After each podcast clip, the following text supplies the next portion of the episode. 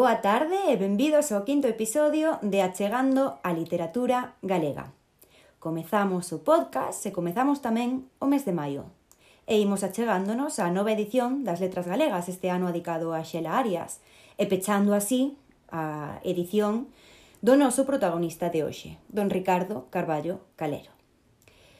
Non é a primeira vez eh, que che escoito decir que tardamos bastante en dedicarlle este día a don Ricardo. Que opinas? Opino que ninguén podía negar a Carballo Calero con un mínimo de objetividade o dereito de ser merecente do Día das Letras. Mas negarono durante 30 anos, 30 longos anos, non?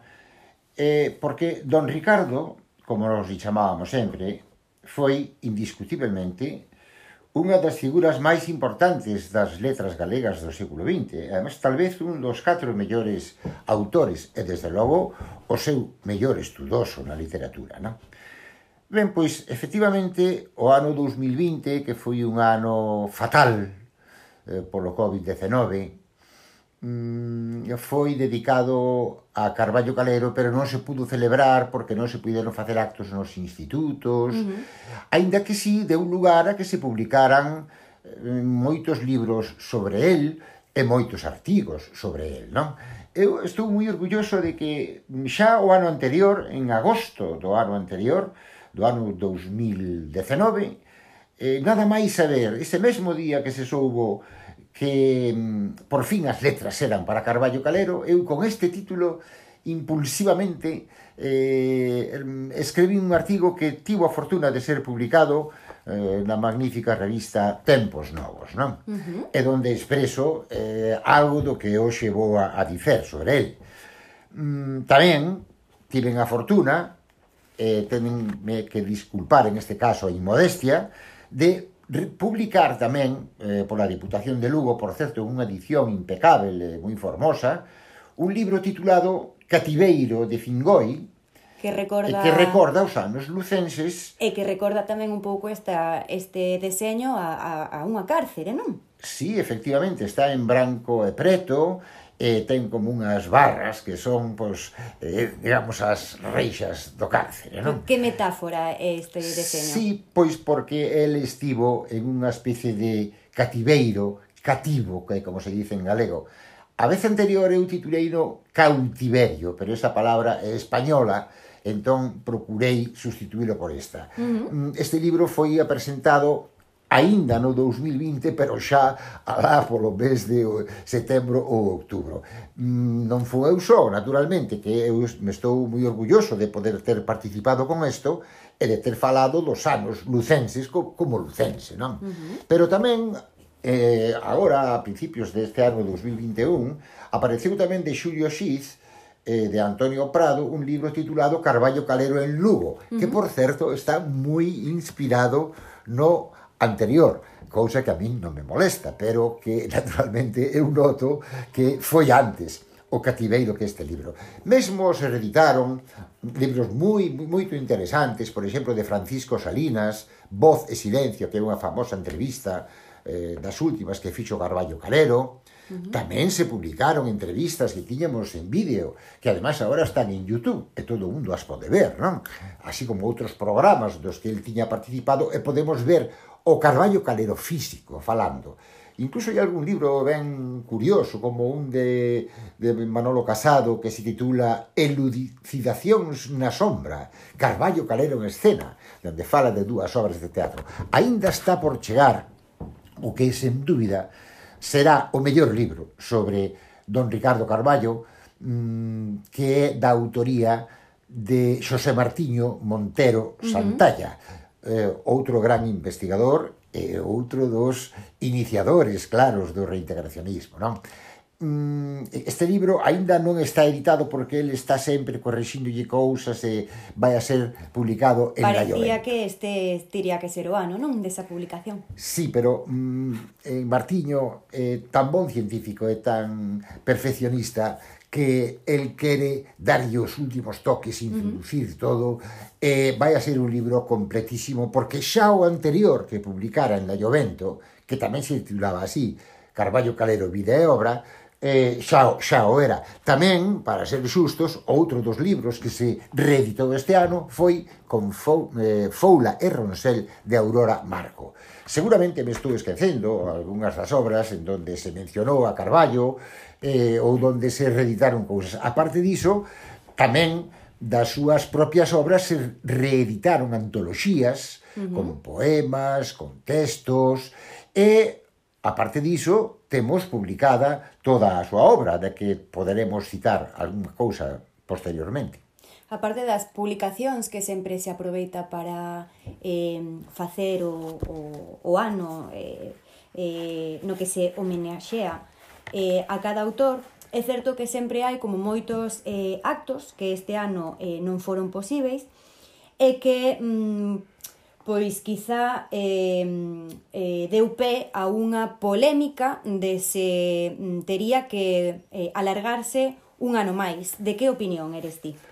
Ben, eh, xa dixen que eu comecei a celebrar o ano eh, de Carballo Calero un ano antes, xa no 2019 celebrámolo durante o 2020, pois con palestras, con publicacións, con artigos, eh, con cousas que non se sabían del, porque, por exemplo, a poesía divulgouse moito, eh, algunhas características eh, eh, físicas e químicas de, de Don Ricardo, non? Mm, pero tamén incluso se prolongou durante este 2021, porque se siguen facendo moitos actos en homenaxe a, a Don Ricardo, non? Uh -huh. En Ferrol, Santiago, Fingoi, en eh, Madrid na época da guerra, Santiago de novo, podemos dividir a súa vida en varias etapas, non? Como a dividirías ti e que principal marca do seu carácter eh, dirías que ten? Sí, eh, algunhas autoras eh, como Carmen Blanco, que por certo ten dous libros de conversas con Carballo Calero, igual que o teñen Francisco Pillado, eh, Miguel Anxo Fernambello. Por tanto, son obras nas que lle preguntan e el fala. Bueno, pois Carmen Blanco tiña dito que había como tres carballos, non? Un antes da guerra, outro na época da dictadura e outro despois xa na parte final eh, pois do que chamamos a transición. Eu penso que, mm, bueno, pedagóxicamente está moi ben explicarlo así, pero mm, eu penso que houve un só carballo era, é o mesmo Carballo, non? Que foi evoluindo, mm, pois claro, pois de un xoven rebelde, estudoso, moi valioso, a un, unha persoa moi sabia, moi docta, quizá máis conservadora nos últimos anos. Pero para a xente que mm, non teña ouvido, que xa non serán tantos, sobre todo interesados na literatura, na cultura galega, non? Como foi a vida de don Ricardo? El naceu en Ferrol en 1910, nunha casa que, por certo, está en ruínas e agora o Concello de Ferrol quere rehabilitar, non? E mm, tivo unha infancia eh, en Ferrol, unha infancia máis ou menos feliz, ali, pois, cos mariñeiros, no Porto, na vida ferrolana, Estudou en Santiago, en aquel tempo era xa moi raro estudar, os anos 20, pero xa sendo xovencísimo, con 17, 18 anos, vai a participar no Seminario de Estudos Galegos, nada menos. E vais a chamar moitísimo a atención a inteligencia daquel rapaz tan noviño que se atrevía a publicar artigos nada menos que na revista Nos. Uh -huh. eh, cómodo con cómodo con, Carva, con Otero Pedrallo, con Risco, con Castelao e con toda aquela xente, non? El licencias en Dereito, despois licencias en Filoloxía, vai facer unhas oposicións a Madrid, xa casado, con Dona María, eh, e con Dona María Ramos, Dona María Ignacia Ramos, e mm, en collo pilla a, a guerra, o estalido da guerra en Madrid facendo esas oposicións. Entón el xa fica ali, eh, involúcrase eh, coa República, el precisamente levaba os votos do era com, era comisariado do Partido Galeguista do que tamén naturalmente tiña participado na fundación, igual que tiña participado nada menos que na redacción do Estatuto de Galiza, eh? Uh -huh. mm, sí, sí. Entón, bueno, tiña participado xa sendo xovencísimo en cousas moi importantes e destacado moito, non?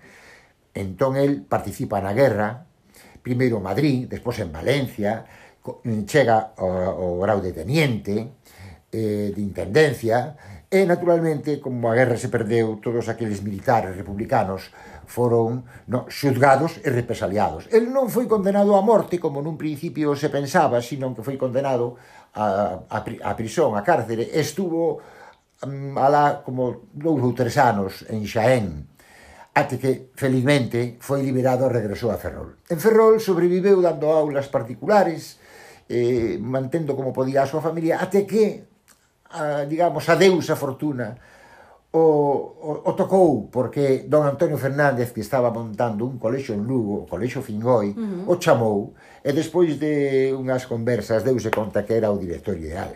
Claro, unha persoa cultísima, formada, con un saber enciclopédico, e ademais con unhas ideas que despois se confirmaron coincidentes coas de don Antonio Fernández, de Antón de Marcos, que eran as da institución libre de enseñanza.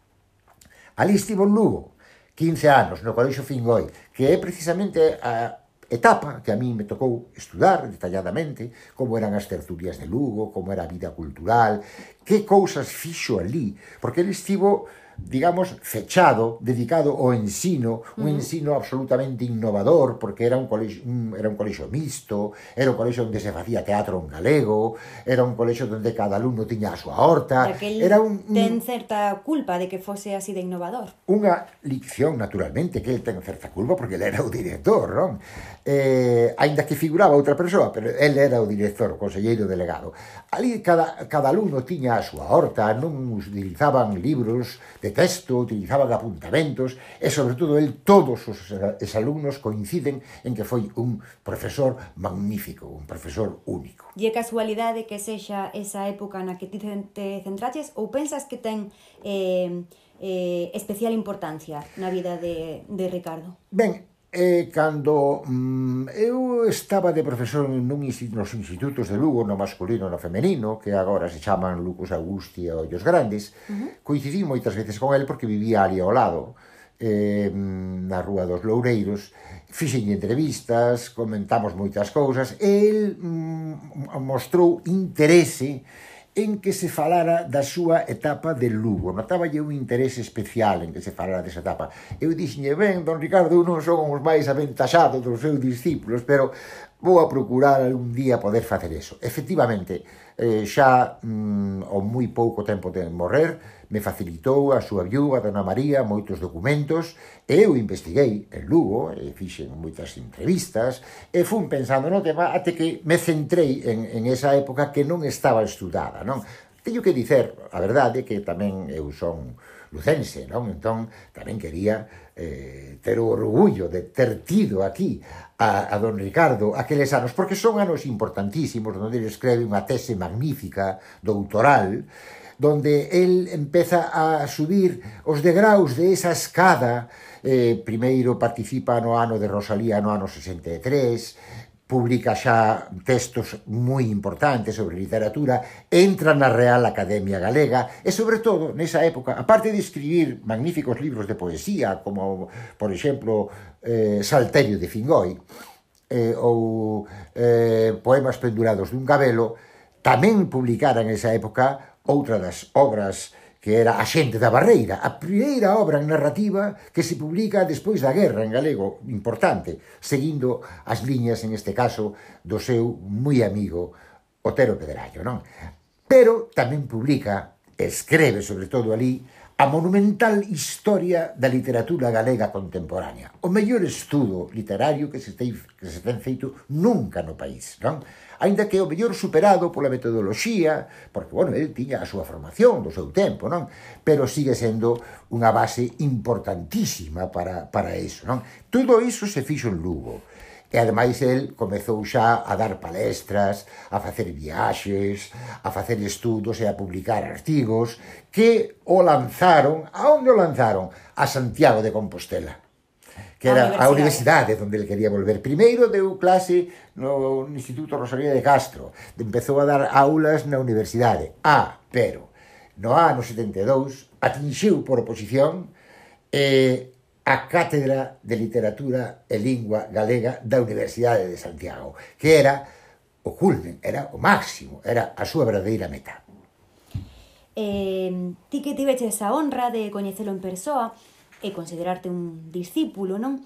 Eh, todos os que de algún, o sea, os que fostedes alumnos de, de don Ricardo, eh, falades del mm, máis que como escritor, como profesor, Como era eh, don Ricardo Carballo Calero como profesor? Cal era o seu carácter? Eh, fálanos un pouquiño máis desa, desa marca eh, física e química que che, que che preguntaba antes. Sí. Eh, teño curiosidade de saber como era alguén que, que, que tivo a sorte de coñecelo e de convivir con él. Si, sí, don Ricardo físicamente pois era de baixa estatura física, non? Pero tiña unha moito elevada estatura moral e intelectual, eh? como sabemos todos os que fomos alumnos del. Eu tive esa fortuna, un pouco por, por casualidade, porque eh, despois de unha vida navegando, unha corta vida navegando, uns anos, empecé a estudiar filoloxía, entón empecé no ano 75, e mm, Eh, eu creo que foi exactamente no ano 77, en terceiro curso, cando nos tivemos a fortuna de que nos deu clase de lingua e literatura galega Don Ricardo. Non? Mm. Bueno, aquelo eh, era, era un espectáculo, non? porque mm, era un mestre terrible, eh? polo, polo rigor e pola exigencia uh -huh. que impoñía xa sin falar e que nunca sorría na aula, ou case nunca sorría na aula. Era serio? Eh, cando sorría era unha sorrisa así un pouco displicente, non? entonces acenaba cos brazos como un senador no foro, eh, que tiña unha voz poderosa, forte, que nos prendía nunha oratoria perfeita, porque lanzaba frases longuísimas, precisas, en unha cadea cadencial con un rigor inusitado. Nos, eh, aí estábamos, estábamos admiradísimos. E eh, todas esas frases previamente ordenadas naquela mente que tiña unha asombrosa memoria, non? entre longas pausas, eh, que entre eses sibilantes, longuísimos silencios circunspectos que aportaban suspense, e despois ao final de moito sacar os óculos e de moito consultar o reloxio do chaleque, e todos eses movimentos tan característicos que tiña, chegaba a resolver todo aquilo con unha afirmación final contundente. Uh -huh. eh, coas maus en alto, como castelao eso mesmo ten recoñecido el que o facía como castelán. Que o imitaba. Eh, ben, entón, a idea que temos del é de un grandísimo profesor que impoñía moita autoridade. É verdade que despois, eh, nos anos que seguiron, despois do seu de que el eh, se aposentou da súa cátedra e foi catedrático emérito con un pequeno gabinete nos baixos da facultade, entón eh, tamén eh, podemos eh, coñecer a outra persoa distinta, que era simpática, que era cariñosa, que era moi atento, moi cordial, eh, que tiña un, son, un sonriso incluso moi tenro, que era moi educado e que era moito bon amigo. Demostrábanolo, por exemplo, a min demostroumo cando me fixo o prólogo de unhas obras completas de Leiras Pulpeiro e a, so, a outros moitos, non? Que nos trataba, pois, eh, sí, como discípulos, pero como amigos. E, desde logo, nesa última época da súa vida, entre 1980 que se aposentou e 1990 que morreu en Santiago, pois tivo unha actividade enorme, dando aulas, viaxes, publicando libros, porque, entre outras cousas, tuvo a feliz idea de publicar toda a súa obra, pero a toda a súa obra que non falamos dela, pero non é chico pleito, eh? Dicir que a, a obra del en poesía ten moitísimos e moi importantes libros, desde Pretérito Imperfeito a Futuro Condicional, a Salterio de Fingoi que antes mencionei, Cantigas de Amigo, outros poemas, Reticencias, que é un magnífico poemario póstumo, por certo, eh? pero é que despois non podemos abarcar todos os estudos de didáctica e os ensaios que publicou, eh, porque ten infinidad de libros, pero algúns deles eh, estudos rosalianos, prosa mm. galega, problemas de lingua galega, da falada escrita, letras galegas, en fin, non quero a, aborrecer a xente citando todos, pero ten unha magnífica obra de ensaios. E ademais ten narrativa, porque a xente da Barreira xa dixe que foi a primeira obra importante que se publicou da, na posguerra. E despois ten outros eh, coleccións de, de contos cortos, as pitas baixo a chuvia, os amores e odios, os señores da pena, eh, até chegar finalmente ao último romance, magnífico romance, que se titula Escorpio, publicado en 1887, é dicir, tres anos antes de morrer. Ah, pero tamén é autor de teatro, porque o fillo, Isabel, a sombra de Orfeu, que é moi celebrada, a árbore, o redondel, o auto do prisioneiro. El publicou todo eso en catro pezas, a famosa farsa das zocas, por exemplo, e no teatro completo. Como dixen antes, tivo a fortuna de reeditar toda a súa obra poética, toda a súa obra narrativa e toda a súa obra ensaística para que nos chegase na versión que el quería que fose coñecida, non na que foi escrita originalmente en aqueles anos durísimos da dictadura, senón en un perfeito galego reintegrado do que el foi, sen dúbida, o principal impulsor. Non quería eu eh, nada máis longe da miña intención eh, quitarlle mérito ao don Ricardo escritor, pero sí que quizáis eh, eh, destacar eh, a, súa, a súa profesión como profesor, non? Eh, daquela, cando vos daba clase, considerabades vos eh, xa unha honra eh, telo como profesor ou iso ven máis tarde? Eu xa o consideraba en aquel momento, mesmo o teño defendido públicamente en outras aulas de outros profesores mmm, pouco educados que ofendían, decíannos seguides ese vello, ese vello caduco e demais, pero non, eu se, xa entón nos dábamos conta, démonos conta perfeitamente de quen era don Ricardo, mesmo eh, na cea final de curso eh, cando pois, xa nos íbamos licenciar el cantou zarzuelas e óperas e veu con nós estaba moi feliz non eh, pero efectivamente mm, a súa autoritas foi eh, moi grande para todos nós eh? todos tuvemos que consultar e evolucionar cos seus escritos, aínda hoxe os estamos revisando e relendo, e dándonos conta de que el eh, fora o mellor estudoso que houbera no século sobre a lingua e literatura, porque unha das obras que eu non citei antes e que usamos hasta nove edicións na facultade era Gramática elemental del gallego común, escrito en castellano, uh -huh. para que os castellanos aprenderan galego, non? Uh -huh. Eh, el foi evoluindo, mm, como antes dixen, eh, desde un, tamén foi autor da normativa ortográfica da Academia no ano 71. Despois, case estuvo a punto de que as súas normas ortográficas do ano 80 triunfase. Sí, que, que papel ten, que papel xoga o reintegracionismo, como evoluciona tamén ese esa forma da da escrita de Don Ricardo? Eh hay varias eh, formas de, de, escrever en reintegracionismo, mínimos, máximos, incluso xa o, o máximo eh, de todo, non? Que escribir directamente en portugués. Cal é a súa evolución neste senso? Ben, o reintegracionismo non o inventou don Ricardo Carballo Calero, porque desde os tempos de Pondal, da revista Nós, de Guerra da Cal, que escribía xa claramente en portugués, E outros autores, Martiño Montero Santalla, por exemplo, xa tiña publicado unha, unhas directrices para reconducir o galego cara a unha escrita portuguesa, non? E don Ricardo non atinxiu, digamos, ese último nivel, porque el escribiu un reintegrado, no reintegrado da Agal, non? uh -huh. eh, pero non chegou a poñer a súa obra como agora se está reeditando en moitas partes xa eh, con unha ortografía claramente portuguesa do acordo ortográfico, non? El foi o principal impulsor e foi evoluindo, xa se lle vía vir, pero claro, el de momento foi sempre moi cauto, decía que había que ir por pasos, que non había que escandalizar a xente, que había que ir dando pasos seguros para que primeiro coñeceran a gramática, o léxico, despois foran evoluindo. Despois era simplemente un, un cambio de, de traxe externo con unha nova ortografía Pero eso só atinxiu na última época da súa vida. Pero por que falamos do principal impulsor? Onde e cando empezou a defender eh, este, esta escrita? Mm, cando nos asistíamos ás aulas xa escoitábamos nos anos 77, 78, claro, non sabíamos de todo ben que xa entón el tiña publicado Problemas da Lingua Galega, por exemplo, que fora publicado por unha editora portuguesa.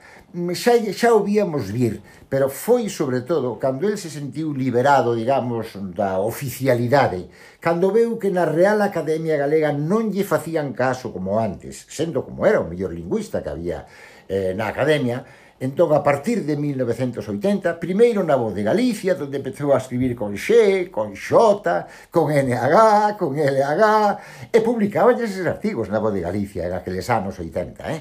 Pero despois, finalmente, en edicións do Castro, sobre todo, pero tamén en Sotelo Blanco, foi publicando toda a súa obra xa reescrita eh, conforme a as normas reintegradas, non? Uh -huh. mm, entón, claro, foi dando eses pasos, pero foi sobre todo que eses dez últimos anos donde el explicou en artigos, en textos, en ensaios, por que os galegos debíamos escribir o galego con ortografía portuguesa, que era o que nos unía.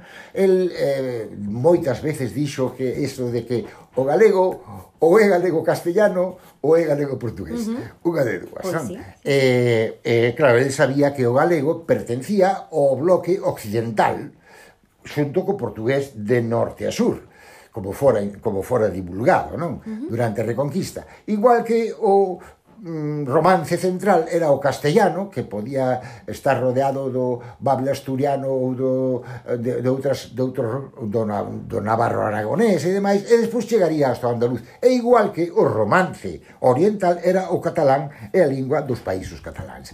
Esa tamén era a doutrina de Menéndez Pidal. Por tanto, el decía que, ainda que o acusaban de ser un innovador e de ser un rebelde e de ser un corruptor da mocidade que lle facía moita graza a él esa palabra pois realmente él era moi tradicional, moi clásico, él seguía as liñas eh, pois do galeguismo e seguía as liñas do Partido Galeguista, que foi o único partido ao que pertenceu na súa vida. Uh -huh.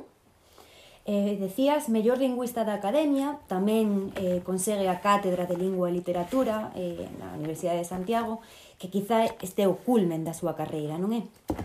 Efectivamente, claro que é o máximo da súa carreira, porque claro, desde ali el pode dirixir teses doutorais, pode dar aulas, pode participar en foros, dar palestras, xa con unha categoría de catedrático da Universidade de Santiago, que el sempre chamaba a súa alma mater, non? Uh -huh. Eh, efectivamente, mm, iso foi o, o que o distinguiu. Ninguén se explica de por que non foi presidente da Real Academia Galega, por exemplo, ou ninguén se explica por que eh, foi eh, silenciado, claramente silenciado durante 30 anos, ignorado polas autoridades, mesmo até o día do seu enterro. Eh, a, o, houbo silencio administrativo, aínda que todos lle fomos a render homenaxe cando foi enterrado en Boisaca. Non?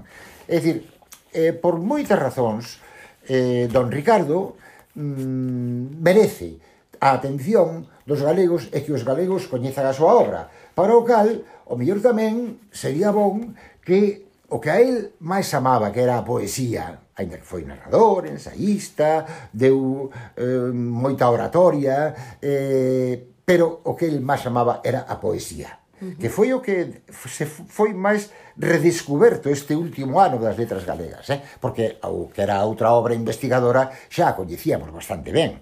E esa obra é máis ben para especialistas, non? como crítico literario. Escollerías nos entón eh, algún dos poemas para recitar? Sí, mira, hai moitos poemas eh, que podíamos escoller del. Eu teño preferencia por algúns de Salter e Fingoi. Mm, mas Eh, hoxe vou a ler do último libro, que por certo é un libro póstumo, prácticamente publicado póstumo, ainda que naturalmente escrito en vida no, no último ano, porque comprende poemas entre o ano 86 e o ano 89 que se titula Reticencias. Da última Reticencias da última década xa. Da de... última década, non, do último minuto. Eh, do último minuto da súa vida. Eh, eh, reticencias eh, en galego significa en español puntos suspensivos. Uh -huh. E eh, claro que foron suspensivos porque morreu no ano 90. Por exemplo, este brevísimo poema eh, que fala do seu amado Ferrol, non? cruzando a ría pola ponte das pías, se os obreiros de Astano non cortaron o tráfico, entrarei en Ferrol, a miña terra. Se o cortaron daquela, ei tomar o camiño entergo e pasar por Narón, pedo mosteiro de San Martiño, polos eidos de esquío, de un xeito ou doutro, hei de entrar no meu povo. Eu fixo neste verso, eh? Hei de entrar no meu povo. E moitos loitamos porque don Ricardo Carballo Calero entrase finalmente no seu povo, a quen defendeu sempre, eh? como todos os galeístas. Repito, de un xeito ou doutro, hei de entrar no meu povo para ver se tropezo nunha rúa cualquer do Ferrol Vello será de San Francisco a do Socorro como o neno que fun e que foi outro aquel que fun e que non fun entón cando eu non era o vello que hoxe son eh, non só o aquí presente, senón todos os que este ano falaron de Don Ricardo, Don Ricardo sempre co don diante, falades dende a admiración e o cariño que só as grandes e carismáticas personalidades conseguen.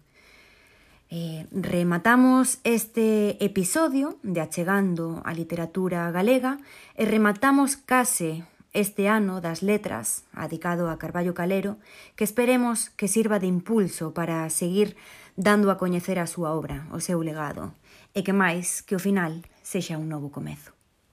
Música